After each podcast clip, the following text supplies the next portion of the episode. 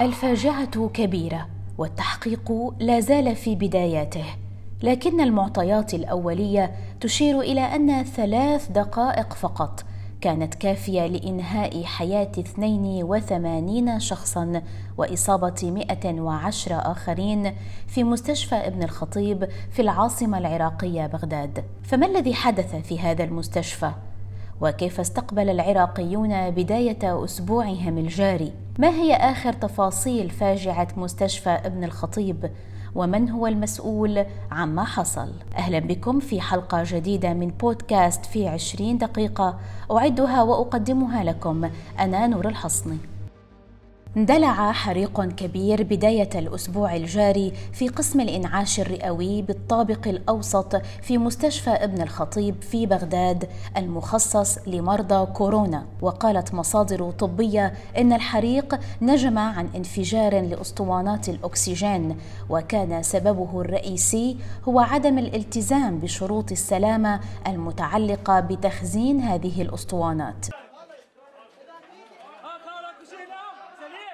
وفي مشهد مأساوي. أظهرت مقاطع فيديو انتشرت على مواقع التواصل الاجتماعي. رجال إطفاء يحاولون إخماد النيران في مستشفى ابن الخطيب. بينما كان المرضى وأقاربهم يحاولون الفرار من المبنى. لتباشر فرق الدفاع المدني العراقي إخلاء المرضى الراقدين في المستشفى بالتزامن مع عمليات إخماد النيران. وجرى نقل الجرحى والمرضى الذين لم يصابوا بأذى في سيارات إسعاف إلى مستشفيات قريبة أخرى.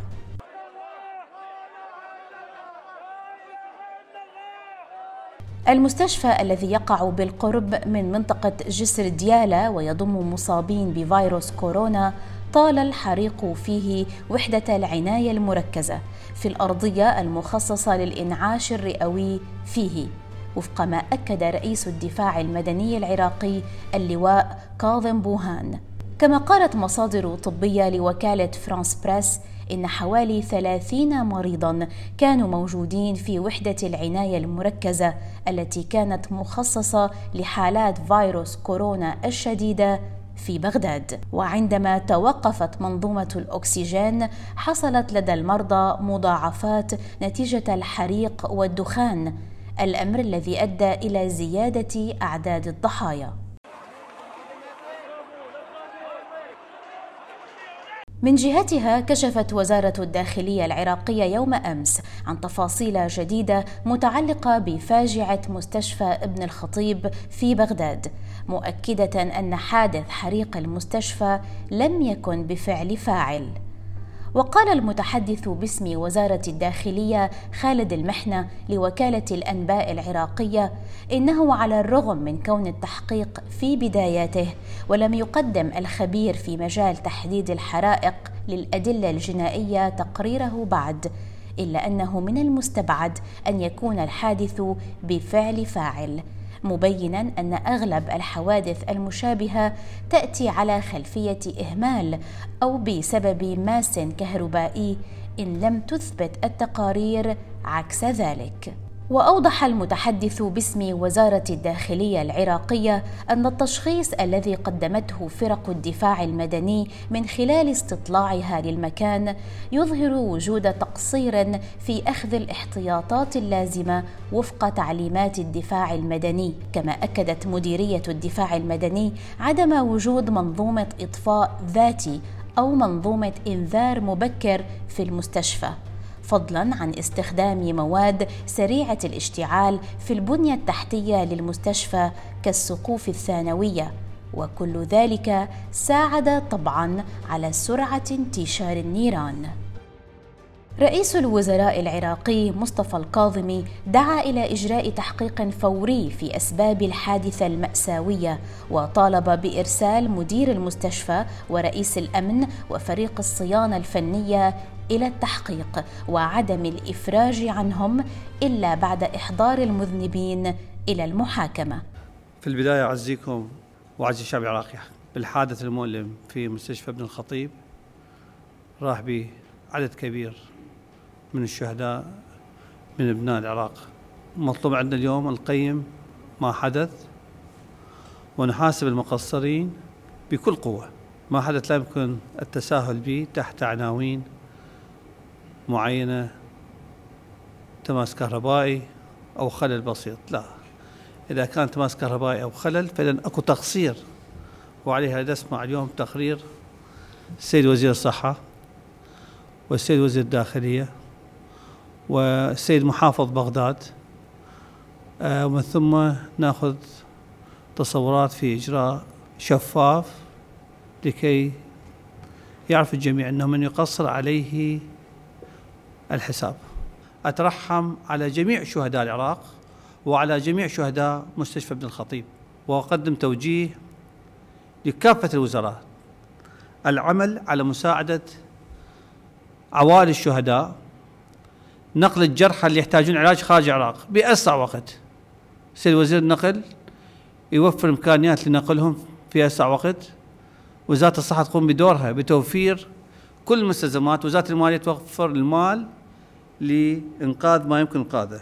تشكل لجنة تخصصية برئاسة السيد وزير الداخلية وعضوية كل من وزير التخطيط والسيد وزير العدل.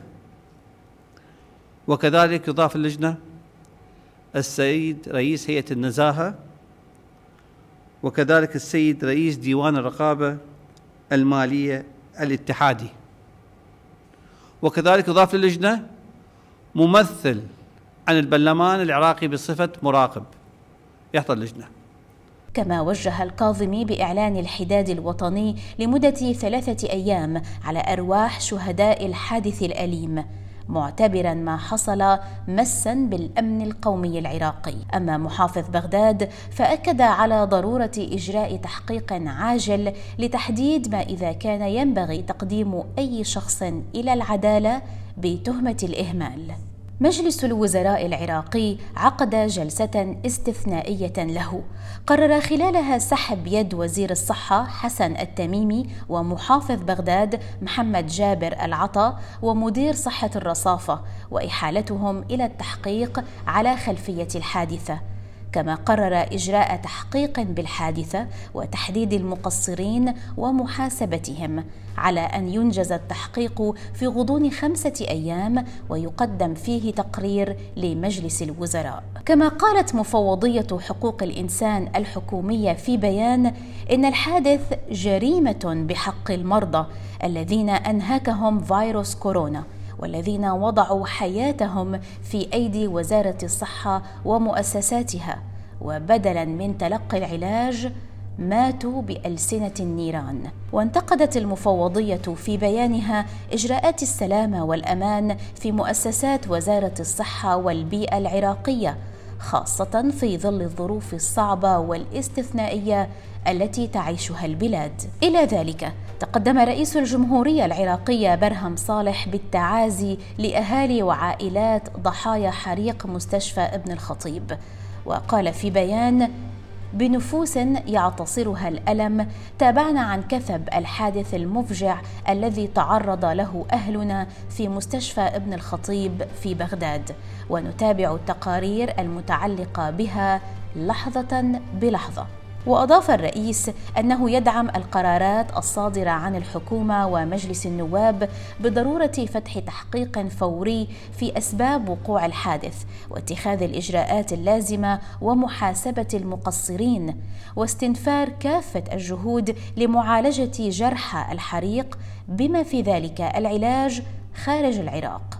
أغلب المصادر تشير إلى بطل الحادثة والمسبب الرئيسي لها وهو الإهمال الذي غالبا ما يرتبط بالفساد المستشري في العراق. ضيفي الصحفي العراقي سعدون السلطان يرى أن الإهمال والفساد هما الركنان الأساسيان اللذين أديا إلى حصول كارثة مستشفى ابن الخطيب مشيرا إلى تأثيرهما أيضا على موضوع لقاحات فيروس كورونا وتوزيعها في العراق. الكارثة التي حدثت في مستشفى ابن الخطيب في قضاء المدائن آه، وراح ضحيتها أكثر من 82 آه، مواطن وإصابات 110 آه، مواطن. طبعا هذا الحادث اللي حدث هو انفجار لإحدى قناني الأكسجين داخل المستشفى. ليست هناك آه، آه، خطة طوارئ صحيحة في في هذه المستشفى أو في جميع المستشفيات اللي موجودة في العراق عموما بسبب آه، الفساد الموجود في وزارة الصحة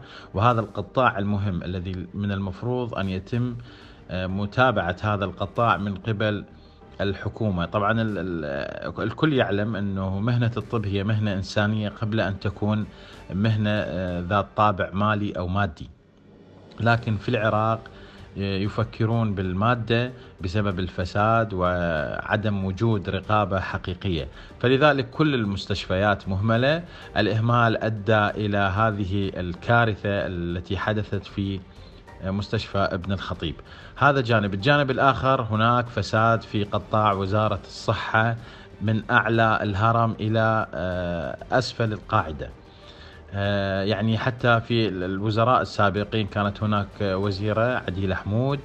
آه، في إحدى الصفقات كانت هناك صفقة بمليارات الدنانير العراقية. أجلكم الله يعني استوردت شباشب للمستشفيات. في حين أنه المستشفيات ليس فيها علاج. كل مريض يذهب إلى المستشفى آه، بحسب الوصفة الطبية لكنه الوصفة الطبية هي نشتريها من الصيدليات الخارجية ولا وجود لأي علاج في المستشفى. حتى ستاند يحمل المغذي للمريض هو لا غير موجود. وعديلة حمود الوزيرة السابقة يعني استوردت شباشب لهذه المستشفيات للحاجة القصوى. طبعا بعد أنه آه، حدثت لغط في الشارع وضج على هذا الموضوع. الحكومة البرلمان العراقي استضاف عديل حمود للاستجواب وكانت ال ال ال الإجابة أو النتيجة نتيجة الاستجواب هي بصالح عديل حمود وأن المستشفيات فعلا لهذه الشباشب. هذه كارثة إحدى الكوارث التي يمر بها العراق منذ عام 2003 ولحد الآن. آه القطاع الصحي مهمل القطاع الكهرباء مهمل الزراعة مهمل كل القطاعات الموجودة. حاليا في العراق هي تدمر تدميرا آه، من قبل أجندات خارجية وميليشيات مسيطرة عليها للأسف. فالحال هو ليست لا تصفه الكلمات حقيقة، الحال متعب وواقع متردي مؤلم. يعني خسارة 82 شخص أو 85 شخص هم بحاجة للأكسجين يعني آه، يخرجوهم من الأسرة يفصلون عنهم الأكسجين يصل إلى باب المستشفى. ليست هناك إسعافات أو خطة طوارئ صحيحة لأجل إنقاذ هؤلاء المرضى. فيفقد آه، لا يستطيع التنفس وفقد حياته داخل المستشفى يعني في باب المستشفى. فهذه الأمور كلها آه، الشعب العراقي وكل مواطن موجود هو يحمل الحكومة مسؤولية هذا الإهمال وعلى الجهات التي كانت مسؤولة أو هي المسؤولة أن تتحمل عواقب ما حدث. التصرف الحكومي أو الإجراء الحكومي الذي حدث من قبل حكومة بغداد هو سحب يد وزير الصحة ومحافظ بغداد، لكن هو الحقيقة هذه الحكومة يجب أن تسحب يدها كامل عن العراق لأنها تتبع أجندات خارجية وكل الميليشيات الموجودة الآن والسطوة المسلحة هي تابعة لإيران تحديدا فلذلك هي تتدخل في القطاع الصحي وأي صفقة موجودة. حتى آخر الصفقات أنه اللقاح الفايزر آه تم استيراده ب 10 مليار أو 10 مليون دولار عفوا آه يعني مبلغ آه لا لست متأكد من المبلغ. يعني آه، بعض هذه العلاجات اللقاحات هي ستذهب ل أو ذهبت حقيقة إلى آه، السوق السوق السوداء ولا يعلمون هذه اللقاحات اللي المفروض 8 مليون عراقي آه، يستحصل على هذه اللقاحات لفيروس كورونا. لكن هذه اللقاحات لا يعلمون أين ذهب جزء كبير من عدها. ففي الأيام القادمة سنرى هذه اللقاحات تباع في الصيدليات الخارجية. أثار حريق مستشفى ابن الخطيب غضبا واسعا عبر مواقع التواصل الاجتماعي خاصة أن بغداد هي عاصمة أكبر بلد عربي من حيث أعداد المصابين بفيروس كورونا. لتأتي هذه الكارثة وتزيد الأوضاع سوءا. فحتى يوم الأربعاء الماضي تجاوز عدد المصابين بكورونا في العراق عتبة المليون شخص. توفي منهم أكثر من خمسة عشر الفا. لكن الخبراء الصحيون يرجعون سبب الحصيله المتدنيه نسبيا للوفيات بالمقارنة مع أعداد المصابين في العراق إلى التركيبة السكانية لهذا البلد. أحد أكثر دول العالم شبابا. كما يعاني العراق البالغ عدد سكانه 40 مليون نسمة منذ عقود من نقص حاد في الأدوية والمستشفيات والكوادر الطبية. وتقول وزارة الصحة العراقية إنها تجري يوميا حوالي 40 ألف فحص لكوفيد 19 وهو رقم منخفض للغاية في بلد يزيد عدد سكان الكثير من مدنه عن مليوني نسمة. ويعيش كثيرون منهم في أماكن مكتظة وفي اختلاط دائم. وفي ظل النظام الصحي الضعيف في البلاد ونقص المعدات الطبية في المستشفيات يفضل عدد كبير من المصابين بكورونا تركيب أسطوانة الأكسجين في منازلهم بدلا من الذهاب إلى المستشفيات.